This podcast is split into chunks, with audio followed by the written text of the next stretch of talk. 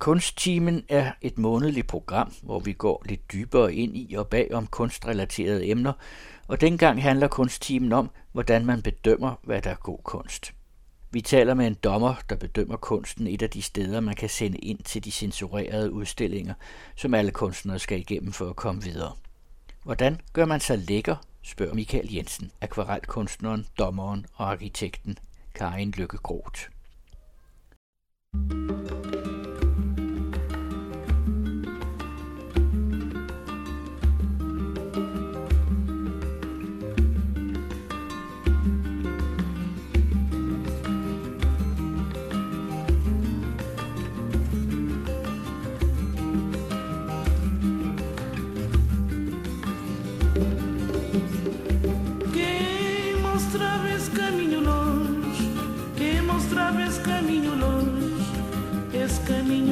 santo nem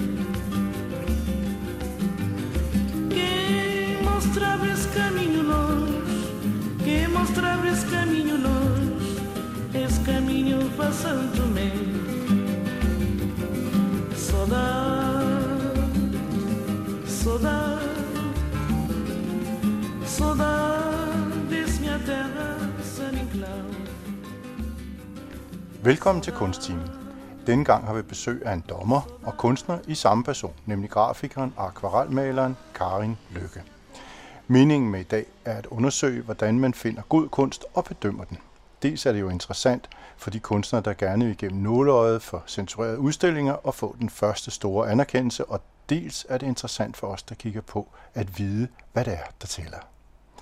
Kunst er jo et højkompetitivt marked. Der er kæmpestort udbud, en meget lille efterspørgsel og en ret lille omsætning.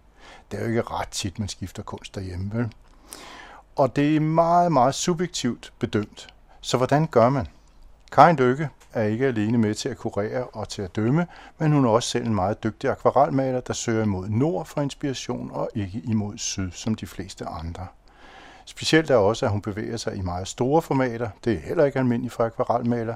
Og udover det, så underviser Karin i den ret svære kunst, både dansker og udlændinge. Vi vil meget gerne slutte af med at høre lidt om det også, så hjertelig velkommen, Karin. Tak. Kunne du ikke starte med at fortælle en lille bit smule om dig selv? Mm, jo, det vil jeg gerne. Jeg har altid tegnet og malet, og øh, ser mig selv som en kreativ person. Altså det er en livsnødvendighed for mig at, at få lov til at udtrykke mig kunstnerisk. Og øh, jeg er familiemenneske. Jeg har levet sammen med den samme mand i 35 år og har to voksne børn, og de betyder alle sammen rigtig meget for mig. Jeg er naturmenneske. Jeg inspireres og, og arbejder allerhelst i naturen. Og som du også var inde på, så, øh, så søger jeg meget ofte mod nord. Og jeg gør det faktisk også om vinteren, hvor der er meget mørkt. Og koldt. Og koldt, ja. Men står det udenfor? Ja, det gør jeg, når jeg kan. Jeg Wow. skitserer meget gerne udendørs. Og jeg har sådan udviklet teknikker til, hvordan jeg kan holde mine fingre varme øh, og lave hurtige, sådan, ekspressive skitser. Mm. Og så arbejder jeg videre med, med det inspirationsgrundlag øh, i et atelier, Ja. hvor, hvor jeg kan styre processen, og Ja. hvor der er lidt mere varme. Det bliver spændende at høre mere om. Mm. Du er arkitekt oprindeligt. Ja, jeg har en arkitektfaglig baggrund. Jeg ja. øh, har taget afgang fra Kunstakademiets arkitektskoles afdeling for grafisk design Ja, i 1994. Og jeg tror, i min gymnasietid, der fandt jeg ud af, at jeg, jeg skulle lave noget kreativt. Jeg, jeg skulle øh, arbejde med mine hænder, jeg skulle arbejde med formidling. Mm. Og så øh, er det blevet kunsten, der har, har fyldt mere og mere igennem 30 år. Jeg øh, arbejder stadigvæk som grafisk designer og illustrator, men kunsten fylder heldigvis meget, meget mere af mit arbejdsliv. Det er jeg meget glad for. Uh, nu kommer der jo det spørgsmål her til den første del af vores mm-hmm. Mhm. samtale. Den om dommeren. Hvordan bliver man dommer? Jamen, altså, jeg har fået nogle forspørgseler på nogle tillidshverv, hvor jeg har været kurator, og jeg har øh, været togholder på censurerede udstillinger i, i Vestjylland igennem en årrække.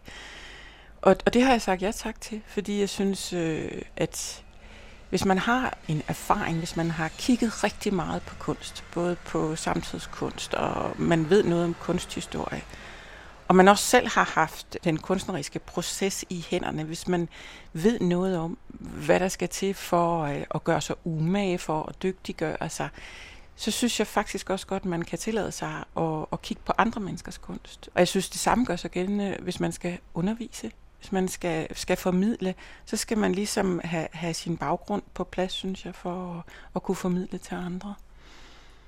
Jeg synes også, det er, det er nødvendigt, at, at der er nogen, der, der stiller sig frem der på Øretævernes holdeplads. Jeg synes, de censurerede udstillinger, jeg har haft med at gøre, der er især to punkter, som jeg synes er vigtige. Og, og det, det ene punkt er, at for alle dem, der sender ind, altså det er jo udstillinger, der er åbne for alle, uanset deres køn og alder og hvor længe de har arbejdet med deres kunst, øh, så bliver de anonymiseret, så sensorerne ser på den kunstneriske kvalitet. Og det giver et fingerpeg for den enkelte om, er jeg på rette vej, eller skal jeg måske blive endnu bedre, endnu dygtigere og, og prøve igen næste år. Og jeg synes faktisk også, det har en stor betydning for publikum, at der er sat en bare for kvaliteten af, af det, man udstiller. At der er en eller anden form for, for homogen kvalitet i det. Og det er svært. Og der vil altid være nogen, som er uenige, og nogen, som er, er, er sure, er vrede over, at de ikke får den anerkendelse, den estime, de, de gerne vil have. Men øhm, jeg synes, jeg har selv været igennem rigtig mange af, af de processer, og er det til stadighed, fordi jeg gerne vil blive bedre. Og, og, og så har jeg også stor tillid til, at de mennesker, der kigger på mine ting, og vurderer dem i Statens Kunstfond eller øh, censurerede øh, sammenhænge, at de har forstand på det, de vurderer. Og det er fuldstændig rigtigt, det er, det er subjektivt. Man kan ikke skrive ned sådan, at, at det er det, der gør det. Der er ikke nogen lakmusprøve eller noget facit. Det er jo et spørgsmål om, synes jeg, at som sagt, man kan se, at folk har gjort sig umage. Og man kan se, at der er en, en nerve og en, en tanke bag, at det har noget på hjerte. Det er i hvert fald noget af det, jeg selv kigger efter jeg snakker her til med nogen, der jo er der i deres karriere, mm. og de skal igennem det her nåleøje, fordi mm. det er jo ligesom et nåleøje. Mm. Når, man, når man kommer igennem de der censurerede, når man får sin første stempel på det der censurerede ja. udstilling, så er der mange døre, der åbner sig. Ja. Ikke alle, men mange. Jeg vil i hvert fald sige, så har man lov til at gå der. Ja. Måske ikke åbne dørene, men man har i hvert fald lov til at komme ind. Ja. Sådan er det, ikke? Men der er jo en ting, som man altid kan huske på, det er jo, at Svend Vig Hansen, han, var, han prøvede 19 gange på at komme ja. ind på Charlottenborg. Ja. Og så tænker man ved sig selv, han er også ikke helt tosset. men altså, og det er jo faktisk et bevis for det, du siger, det er, ja. altså, man bliver bare nødt til at øve sig og øve sig og øve ja. sig. Og det er jo også vejen. Altså faktisk er jo alt kunst jo at blive ved og ved og ved og ved. Og, og så når man er rigtig træt, så tager man lige et par gange til. Ja. Ikke? Jamen, det er fuldstændig rigtigt. Ja. Og, altså, man kan jo godt blive slået ned af et nederlag. Man, man, man kan jo godt blive i dårlig humør og, og blive fortvivlet, men jeg synes, at jeg er en nysgerrig person, og jeg synes også, jeg er en åben person, og det er også derfor, jeg har sagt ja til at snakke med dig. Ja. Men øh, altså, det, det, det betyder jo også, at jeg er nødt til at stikke næsen frem hele tiden for at, at prøve at se, hvad synes andre om det, jeg har på hjerte. Det jeg brænder for at, at vise og at formidle. Og hvis de ikke forstår det, så, så må jeg jo prøve igen. Så må jeg gøre det endnu tydeligere. Og det synes jeg er en drivkraft for mig. Men når du, du snakker om umage, er det så et spørgsmål om at forsimple, eller forenkle, måske ikke forsimple, men forenkle? Det, hvordan ser du på umage? Altså umage, det er jo, det er jo mm. et fantastisk ord. Mm. Det er måske et af de smukkeste ord, der overhovedet findes. Men hvordan ser du på umage? Når du siger ligesom, jamen man skal kunne se, at de ikke har gjort sig umage. Hvad betyder det? Jamen altså, det, det kan både være i udførelsen. Mm-hmm. Det, det kan være noget med, at man, man kan sin teknik og sit materiale, og man har øvet sig rigtig længe for at lære det at kende. Altså, jeg har malet akvarel i 30 år, og jeg bliver ikke færdig. Det håber jeg aldrig bliver. Altså, jeg, jeg, jeg bliver ved med at sætte nogle benspænd op og prøve noget, jeg ikke har prøvet før, for at udfordre mig selv. Og, og jeg synes også, at man skal også sætte noget på spil. Det kan være i form af, at man, man laver en perception på noget, man har, har set og oplevet. At man ligesom brænder alt det unødvendige og overskydende væk, og så kommer ind til et kerneudtryk. Det kan også være en måde at gøre sig umage på. Altså jeg plejer at beskrive det som om, at jeg har utrolig mange fraklip i min kunstneriske proces, også fordi jeg maler akvarel, så jeg kan ikke komme igen. Jeg, jeg kan ikke rette og male ovenpå, som man kan i olie eller akryl.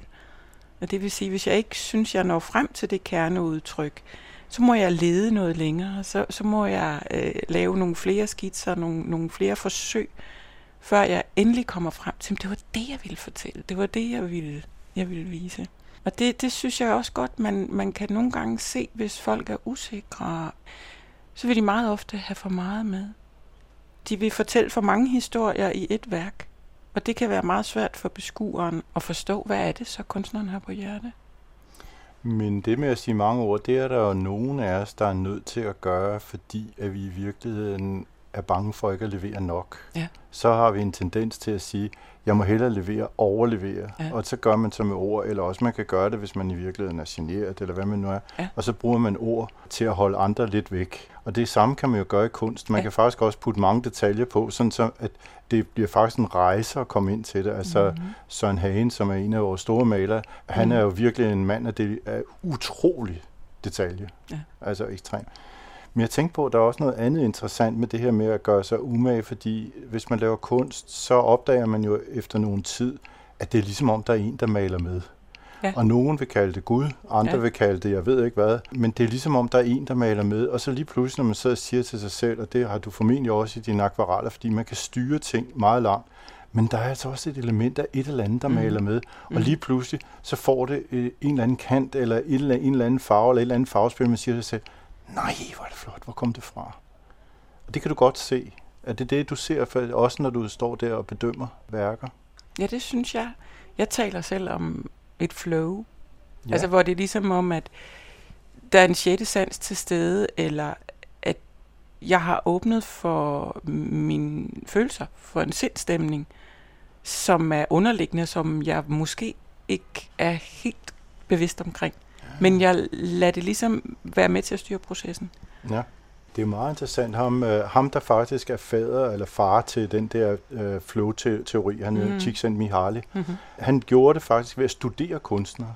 Ja. For han mente, at det var dem, der var tættest på at komme i flow. Ja. Altså der, hvor man glemmer Mm. oplevelsen af tid og sted. Mm. Og lige pludselig så er den fem om morgenen, og man tænker, hvor blev det hele af? Mm. Mm. Gud, jeg har ikke fået noget at spise siden, jeg ved ikke, hvor lang tid. Og, og det, det hele, det, det, det er langt væk, og man kan ikke forstå, er andre mennesker, de har tid til at sove. Fordi der er så meget, jeg skal have fortalt. Ja. Ikke? Altså, jeg, jeg har også oplevet, at for mig har det, har det krævet nogle, hvad skal jeg sige, nogle afsavn, og det synes jeg også godt, jeg, jeg, jeg kan se, øh, i og med, at man gør sig umage, at så må man også ligesom koncentrere sig, så må man være fokuseret i sin proces. Og det kan man måske ikke samtidig med, at man smalltalker med andre, samtidig med, at man er, er, er social, eller at man også er udadvendt. Det er en proces, der går meget indad. Og, og for mig kræver den ensomhed. Mm. Ja. Og, og det, altså, nu starter jeg også med at sige, at jeg er jo familiemenneske, så, så det, det er faktisk ikke altid sådan øh, uden problemer, og, og uden at jeg er bevidst omkring de fravalg, og måske er lidt bekymret for, jamen, kan de nu klare sig uden mig? Men jeg har brug for at gå ind i det der alene rum, for at opleve det flow. Men det er jo altid interessant, den der, den bagsiden af det, ikke? Fordi Mhm. mm. det ene side, så er der familiemenneske, som Mhm. er meget fælles og vi. Ja. Og i den anden side, der har man altså om på den anden side af mønten, der har du den, hvor du i virkeligheden er meget dig selv. Ja. Hvis man er meget den ene, så kan man faktisk også være meget den anden. Og det er jo det, Ja. der er sådan det spændende psykologiske Ja. spil, der er imellem de to der. Og det er jo altid det, hvis man leder efter mennesker, der er meget vi-mennesker, så kan man også begynde at lede efter den anden. Det er jo det, der, det er jo næsten det, der er det spændende ved at få livserfaring, det er, at man begynder at Ja. vide nogenlunde, hvor man skal kigge. Ikke? Jamen, jeg tror også, jeg, jeg er blevet mere bevidst omkring, hvilken side af mønten jeg, om du vil sige, Ja, altså, ja.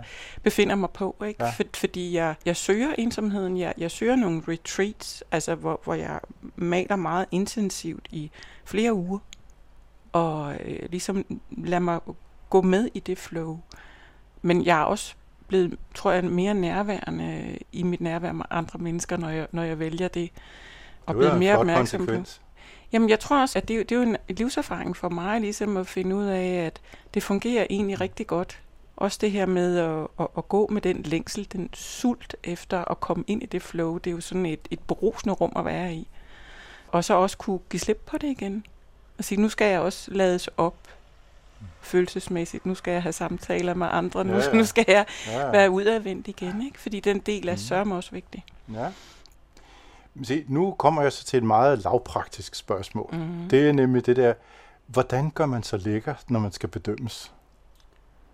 Det var et svært spørgsmål, fordi du kan godt sige, at gøre sig umage. Ja, det vil vi jo alle sammen sige. Ja. Vi har gjort vores bedste. Hvordan gør man så lækker? Når man skal komme til sådan en, en konkurrence, og man kommer med sine ting, Ja. hvordan gør man så det? Jeg synes faktisk, man har et, et stort ansvar for, at indpakningen også er i orden. Mm. Altså, jeg, jeg, jeg tror, jeg hørte øh, John Kerner udtale det, efter han havde været censor på Den Fri, øh, for i år, at øh, for, for ham der er udførelsen og, og kvaliteten og, og umagen, den er, er, er, er mindst lige så vigtig som selve projektet, som øh, det kunstneriske værk. Han kiggede meget på, er der så en, der har gjort sig umage med at ramme det ind og gøre det lækkert for sensorerne. Gøre det klar til at hænge op på væggen og udstille det for publikum. Og det synes jeg også har noget at gøre med, at man tager sig selv seriøst som kunstner, at man øh, lige giver den den sidste bønne, altså at, at man, man også sørger for, at præsentationen af, af værket er, er i orden. Det trækker simpelthen ned, hvis man øh, kommer med en skifteramme, der sidder klistermærker på, og øh, glasset er ridset og, og, og beskidt. Jo, nu om dagen, der er det jo meget ofte, at man skal præsentere sine ting elektronisk. Ja. Og der kan det godt være noget af et helvede, hvis ikke man sådan ligesom er computerekspert og Ja. får renset alle de baggrunde op og finde lige præcis den rigtige tone. Og så har man brugt karton, der er lidt gyldent, og så skal man så lige have den tone med. Ja. og der er mange ting, det er svært at lave på den der. Men det tæller også. Det gør det. Ja. Altså, øh, når jeg øh, har malet nogle af de helt store akvareller, så hyrer jeg simpelthen en professionel fotograf til Ja, at, at tage studieoptagelser, fordi det kan jeg ikke selv. Nej. Jeg kan måske med, med min telefon, der kan jeg tage billeder af, af de mindre akvareller og, og, og bruge dem og vise dem frem til publikum. Men hvis det er noget, jeg skal sende ind til censurerede udstillinger, så har, har jeg altså en professionel fotograf til at, Ja, at det, hjælpe mig. Det er vanvittigt svært at tage de billeder. Det, Men, men jeg synes, det er vigtigt. ja, Øh, og, jeg, og jeg synes, at igen det der med, med, med selvrespekt, det der med, jamen, altså så har man faktisk vist, at man gør sig umage. Mm-hmm. Så, så har man vist, jeg mener det her seriøst, og, og det her det er, er den bedste måde, jeg kan formidle mit værk til jer på. Fordi det er jo ens bedømmelsesgrundlag. Og det tror jeg faktisk, jeg havde en, en fagleder, der sagde til mig i sin tid på Kunstakademiet, det der med, husk, at det er dit bedømmelsesgrundlag. Du, du må ikke øh, sådan tage det for let. Altså, du, du skal virkelig gøre det bedste, du kan, det ypperste. Jeg tænkte på, når man nu sidder der og bedømmer, får du så nogensinde nogen, der sender børnetegninger ind? Ja, altså nogle gange, så kan det være svært at vurdere, at det her mm, bevidst naivisme? Eller, Det er jo vanvittigt svært. Det er jo vanvittigt svært. Ja. Og, og, og jeg tror igen, jamen, øh, hvis man... Altså nu er det subjektivt. Hvis man så kan lide det, man ser. Hvis man synes, at det er en sjov streg, eller at det er en naivisme, man, man godt kan lide, så er det jo lige netop, om det er et barn, eller det er en, en voksen, der har lavet det, så er det jo egentlig underordnet, hvis værket holder. Ja. Det med at tolke billeder, er det noget, der tæller noget? Altså er det, at man sidder og kigger på billeder, og man lader det suge ind i sig, og man kan lide det, eller ikke kan lide det, eller man, kan, man synes, det har et budskab. Det kan jo nogle gange godt være et dystert budskab, eller hvad det Mhm. nu måtte være. Men det der symbolisme, er det noget, der er, det noget, der er oppe i tiden? Meget, synes jeg. Altså, der er jo også mange portrætmalere, mange naturalister, som har taget symbolismen op igen, og øh, jeg tror, at det har også noget at gøre med, at det så kan vække en nysgerrighed, at man, man godt vil vide mere om det værk, eller hvad det er for, for tanker, der, der ligger bag. Jeg arbejder selv meget øh, med at formidle stemning. Noget, jeg har set og oplevet, som jeg gerne vil formidle til andre.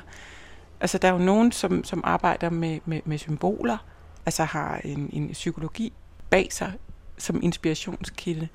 Jeg tror, det vigtigste er, at, at det piger nysgerrigheden, at man får lyst til at høre om billedet, høre om værket, høre om, om tankerne bag. Og øh, i, i den her øh, VK-udstilling, øh, jeg har haft med at gøre i Vestjylland, der har vi faktisk givet kunstnerne mulighed for at levere en beskrivelse af deres værker sammen med, med de filer, de uploader. Og der kan sensorerne så, så, så bede om at få læst den tekst op. Hvi- Hvis de sådan siger, det her det ser spændende ud. Hvad, hvad, hvad, hvad, hvad tanker har kunstneren Mm. mm. gjort, så må, må vi vide noget om det. Ikke? Mm. Altså jeg, jeg har nogle gange svært ved at øh, forstå samtidskunst. Altså nogle gange har jeg brug for nøgle. Nogle gange har jeg brug for, at, at kunstneren fortæller, eller at jeg ligesom bliver ledt på rette vej. Hvad er det, jeg skal lægge mærke til her? Ikke? Men jeg synes, det er interessant. Så de tider, hvor man, han har sagt, hvor det er en gættekonkurrence, mine billeder taler for sig selv, som mm. der var nogle kunstnere, Mhm. der sagde før i tiden. Det er ikke så meget det, der er på bjerget lige nu. Ikke altid. Nej. Det, det synes jeg ikke. Jeg, jeg synes nogle gange, så kan der, der kan jo også være nogle helt specifikke personlige ting, Ja. som kan være drivkraften i et kunstværk eller en billedserie, øh, som gør, at det bliver ekstra interessant. Jeg prøver så vidt muligt at få mine værker til at tale for sig selv. Jeg, jeg har også oplevet, at når jeg holder en artist talk, eller når øh, jeg selv er til stede i min udstilling, så er folk meget nysgerrige. De, de vil meget gerne høre mig fortælle om processerne, og hvorfor jeg har malet det, jeg har, og rejse derhen, hvor jeg har. Og, og det, den fortælling øh, synes jeg også er, er spændende at give folk. Ikke? Altså, det er jo også en passion for mig at formidle den del af det videre.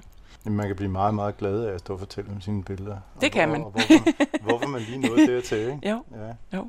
Jeg er blevet inviteret over på en, en restauration, der vil lave sådan noget, der hedder madkunst. Ja. Hvor han så laver sådan en gourmetmiddag, og så kan jeg stå bagefter og fortælle om billeder. Og det glæder jeg mig helt vildt til, fordi det er jo næring på forskellige måder. Den Ja. ene, han nærer kroppen, og jeg Ja. forsøger på at nære sjælen. Ja. Eller psyken. Ikke? Ja. Det er meget spændende. Jeg, kan godt forstå det der. Jeg tænkte, for nogle år siden, der ejede jeg nogle reklamebyråer, og så inviterede jeg personalet og sådan noget, og så inviterede jeg ind, fordi jeg var meget interesseret i at lære at tale det sprog, der ligger under sproget. Altså det der symbolistiske sprog, eller arketypiske sprog, vil Jung måske kalde det. Mm. Um, så jeg inviterede en mand ind, der havde speciale i tolkning af børnetegninger. Og det var fabelagtigt. Altså hele byrået, uden undtagelse, de kunne den dag. Det var meget fa- og det var efter arbejdstid, ikke? Fra klokken 6, og Ja. det vil sige, at de skulle arbejde over. Ja. Og så til klokken 9. Og da klokken det var 9, der var de sådan set ikke særlig interesseret i at gå hjem. Han må godt blive en time mere. Ja. Det var børnetegninger. Det er utroligt, hvor meget af den form for kunst, men det var jo koblingen mellem personen og billedet. Mm. Og hvad er det så, de forsøger på at fortælle ved hjælp af det her sprog, Mm. som er et verdenssprog? Fordi altså, hvis du, når du laver dine billeder, så er det jo ligegyldigt, om det er en australer, en grønlænder, en kanadier, mm. en dansker, en japaner, der ser på det. Så ser vi faktisk det samme. Og vi kan slet ikke tale sammen. Vi har ikke det samme sprog. Men vi har et sprog nedenunder alle sprogene, der er så elegant. Ikke? Mm. Det synes jeg er fantastisk. Når du nu arbejder, du arbejder jo meget følelser. Hvis man nu skal være, gå, gå igen gå tilbage til Jung, så kan man sige, at Jung han har den der firedeling, hvor han har føle, tænke og intuitiv, eller og så sansning over i den anden side. Så du, er altså, du arbejder principielt mest, eller principielt, du arbejder mest i den der følesiden, hvor du føler dig ind i, hvad siger det her mig? Det, det vil jeg sige. Og jeg, jeg tror også, jeg er blevet mere bevidst omkring, at hvis jeg så efterfølgende, efter to eller tre år, genser en billedserie, så kan jeg tolke, så, så kan jeg ligesom forstå, hvor jeg har været hen følelsesmæssigt i den periode. Og jeg har ligesom accepteret, at det er ikke noget, jeg, jeg, kan, jeg kan styre. Det er min sindstemning, der på en eller anden måde er med til at påvirke, hvad er det så for en palette, jeg griber i? Hvornår er det, jeg er- tilfreds med et billede? Hvad er det for motiver og stemninger, jeg, jeg, jeg bliver draget af? Og det synes jeg selv har været utrolig interessant. At så er der lyse perioder. Der har også været nogen i mit liv, som har været øh, mørke og, og, og mere dystre. Men jeg tror, jeg har ligesom fundet ud af at gå med og, og få det bedste ud af det. Og spændende. Mm-hmm. Men uh, bruger du det også, sådan, han har sagt, i din egen indre proces? Altså, de fleste af os forsøger jo på ligesom at bruge et helt liv på at blive den, vi er, Mm-hmm. om jeg så må sige, eller Mhm. individueret, eller hvad man nu kan kalde det. Men bruger du din, ser du dine billeder så på den rejse, sådan, så du ligesom går tilbage og analyserer på dem, og sætter dig ned og siger, hvad var det, jeg fik ud af den periode, og hvordan gav det mig, og hvordan du bygger, ligesom bygger dig selv op, han har sagt, eller rettere bryder dig ned for at bygge dig op på ny, for at forstå sig selv. Øh, Det tror jeg faktisk, ja. Og, Ja. og jeg, jeg tror også, jeg har erkendt, at den der proces er, er livsvigtig Ja. for mig. Fordi for det første, så giver den jo et, et udløb eller et afløb for nogle følelser, som jeg ikke sætter ord på, men jeg sætter billeder på. Og jeg tror også, at det at kunne se tilbage på, på sin egen udvikling og, og på de op- og nedture, som, som jeg har i mit liv, det synes jeg faktisk er, er utrolig interessant. Og jeg tror også, jeg er, jeg er blevet lidt bedre til sådan øh, at, at holde de forskellige billedserier for sig selv, når, når jeg udstiller. At det er ligesom om, at det så anslår en stemning i rummet, ikke, som er, er sammenhængende. Har du en følelse af over tid, at øh, dem, der kigger på din kunst, de forstår dig? Altså, det, det bliver nemmere og nemmere for dem at forstå, hvad det er, du vil sige? Eller er det, fordi du gør dig mere og mere umage? De to ting er jo nærmest sådan sammenhængende, kan man sige. Jeg tror i hvert fald, jeg er blevet mere ærlig over for mig selv.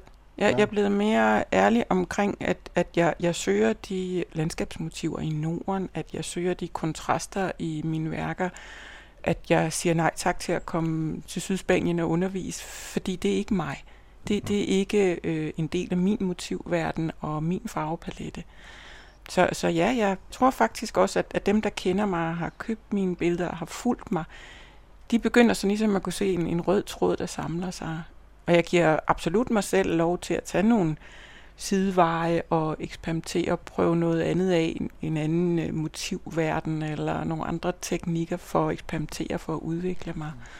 Men jeg tror sådan som udgangspunkt, altså det her med at gøre sig umage, det er også kill your darlings. Ja. Jamen det er, det er faktisk noget med, at man ligesom accepterer, når man står der og kigger på alle sine hjertebørn, alle de her billeder, man skal hænge en udstilling op, så er der altså 10, der kommer lidt i skammegrund, fordi de, de passer ikke ind lige her. Mm. Og det forvirrer publikum, øh, hvis jeg vil vise hele paletten på én gang. Og det, det synes jeg, det har været en proces for mig at lære. Men det der, det er jo forskellen på mand og kvinde. Mænd, det er altid fuld speed. Ja. Speederen i bund, så er vi kørt, ikke? Jo. Og det kvindelige, det er ligesom det der med, er det nu rigtigt? Er timingen rigtig for det her? Passer ja. det her nu ja. sammen? Er det en helhed, ikke? Mm. Det er jo dem, hvor man kan sige, at mænd, de tænker og taler efter en lige linje, og kvinder, de tænker og taler i virkeligheden i en cirkel, der går fælles. Ja, det kan det, der være noget om. Det, det, det, det har jeg i hvert fald læst og lært en del af nogle lingvistikere, der ja. faktisk snakker om det. det. Det er meget interessant, faktisk. Altså en af, af de drivkræfter, jeg har haft, det har faktisk også været, at jeg som kvinde, mm. der maler akvarel, mm. altså tit er gået imod publikums forventninger. Altså, de, de forventer at se noget pænt, og noget kontrolleret, og noget styret, og noget let, og noget lækkert.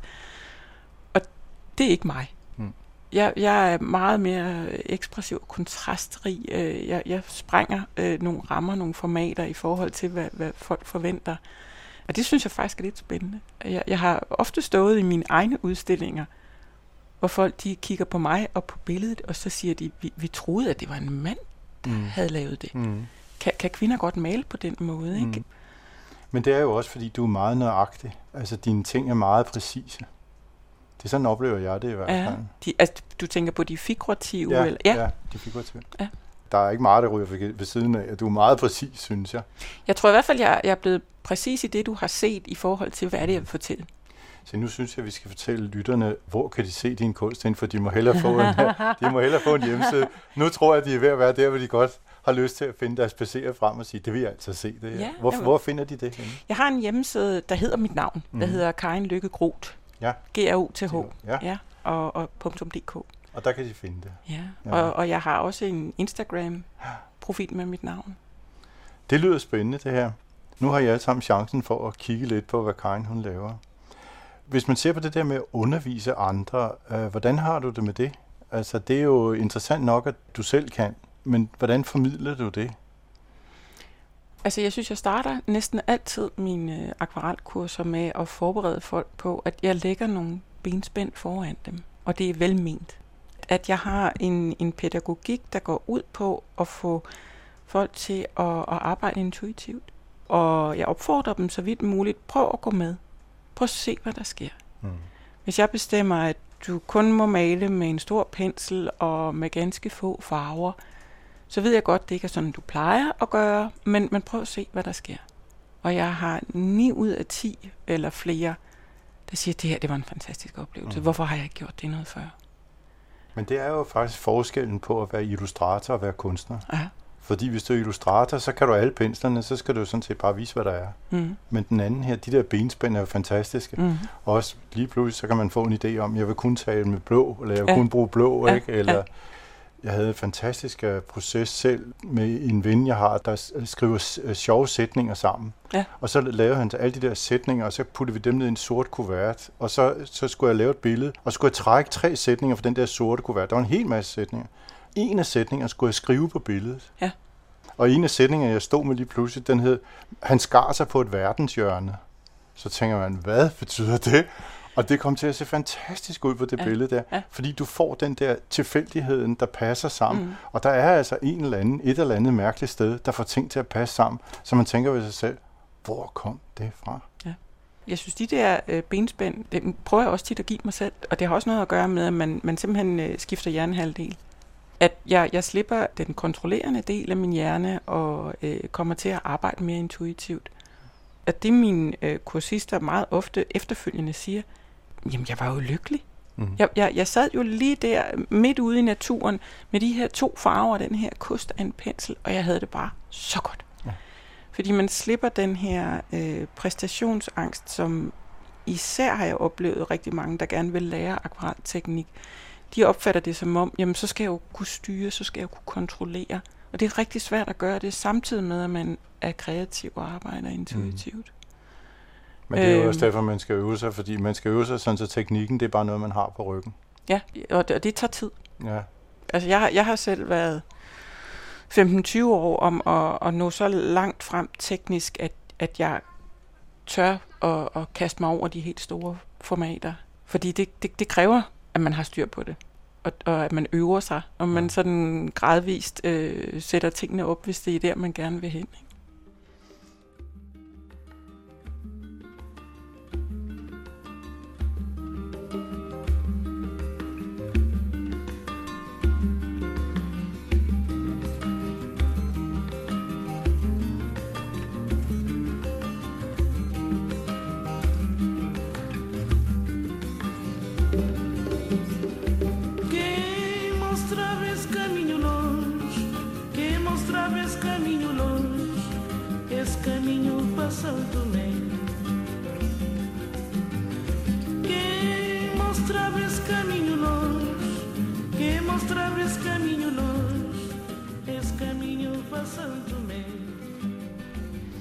Karin, du har valgt et nummer her af Cesaria Evora, mm. og det hedder Sodat. Mm. Hvorfor det? Jeg lytter altid til musik, når jeg maler. Altså det kan være med til sådan at, at, at sætte en, en stemning og stemmesindet. Og jeg har været meget begejstret for øh, Cesarias øh, musik. Fordi om nogen, så synes jeg, hun er i stand til at, at formidle stemninger. Øh, jeg forstår ikke ordene, jeg forstår ikke øh, teksten, men jeg kan mærke stemningen. Og det her øh, nummer, Sodat, øh, det betyder længsel. Oh. Og, og det er en, en længsel efter øh, at være et andet sted, end man er. Og, og jeg synes, det har været en, en, en drivkraft for mig, øh, det her med at føle den her sult efter at, at, at få et udtryk og, øh, og komme, komme i flow. Og så er jeg altid øh, barefod, når jeg maler. Nå, ja, det var så vidt også. muligt. Ja, ja hun var barefod, når, ja. hun, når hun sang. Øh, hun var og, en fantastisk gammel dame. Jeg har set ja. hende inde på Falconer Center, hvor hun kom ind der barefod, og til, den, sin sidste optræden, der havde hun datteren med der i 60'erne, og hun, øh, hun, hun passede på, at hun ikke faldt på vejen derind. Så fik hun en stol, og så sad hun der og røg cigar, mens ja. hun sad og sang. Derinde midt på den der kæmpe store scene i Falconer Center. Det var en fantastisk oplevelse, men det er jo netop den der længselen efter at være inde i den sang, fordi derinde, der har hun frihed. Præcis. Ja, det var en spændende snak. Mm. Det, har været, det har været meget spændende, synes jeg. Jeg ved ikke, om vi kan, kan vi sige mere om det med at være dommer? Hmm, nej, det, jeg, jeg, jeg synes, jeg har, jeg har i hvert fald sagt, hvad, hvad, hvad, hvad, jeg, hvad det betyder for, for mig, og hvorfor jeg siger, siger ja tak. Ja. Øhm. Jeg tror også, vi vil sige ja tak. Hmm? Og tak for i dag, og tusind tak, fordi du kom. Det var virkelig en stor fornøjelse. Og det var Karin Løkke Kroth, og der er billedkunstner grafiker. Mit navn er Michael Jensen, og i teknikken, der har vi Ytte Nordholt. Tak for i dag. Que mostra vez caminho longe, que mostra vez caminho longe, esse caminho passando meio. Que mostra vez caminho longe, que mostra vez caminho longe, esse caminho passando meio. Saudade, saudade, saudade, minha terra, San Inclau. Saudade, saudade, saudade, minha terra, San Inclau. Quem mostrava esse caminho longe, quem mostrava esse caminho longe, esse caminho passando meio. Quem mostrava esse caminho longe, quem mostrava esse caminho longe, esse caminho passando meio. Saudade, saudade, saudades minha terra San Inclau.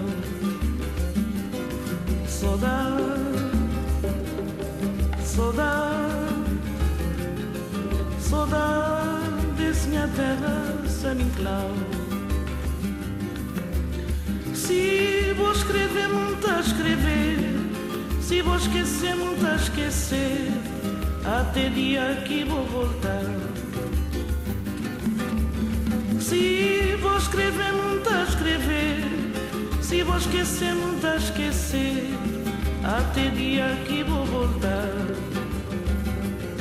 Saudade, saudade, saudade desse minha terra, San Inclau.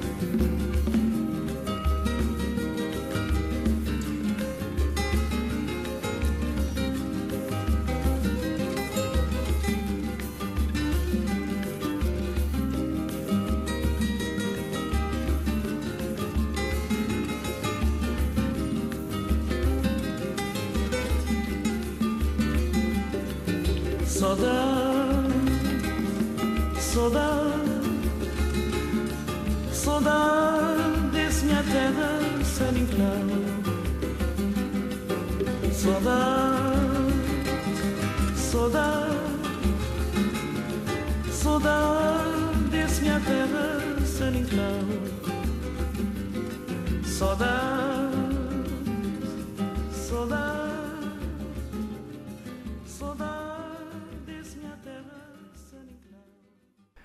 var kunsttimen med dommeren og akvarelkunstneren Karin Lykke Groth. Udsendelsen var tilrettelagt af Michael Jensen, og i teknikken var det Jytte Nordholt.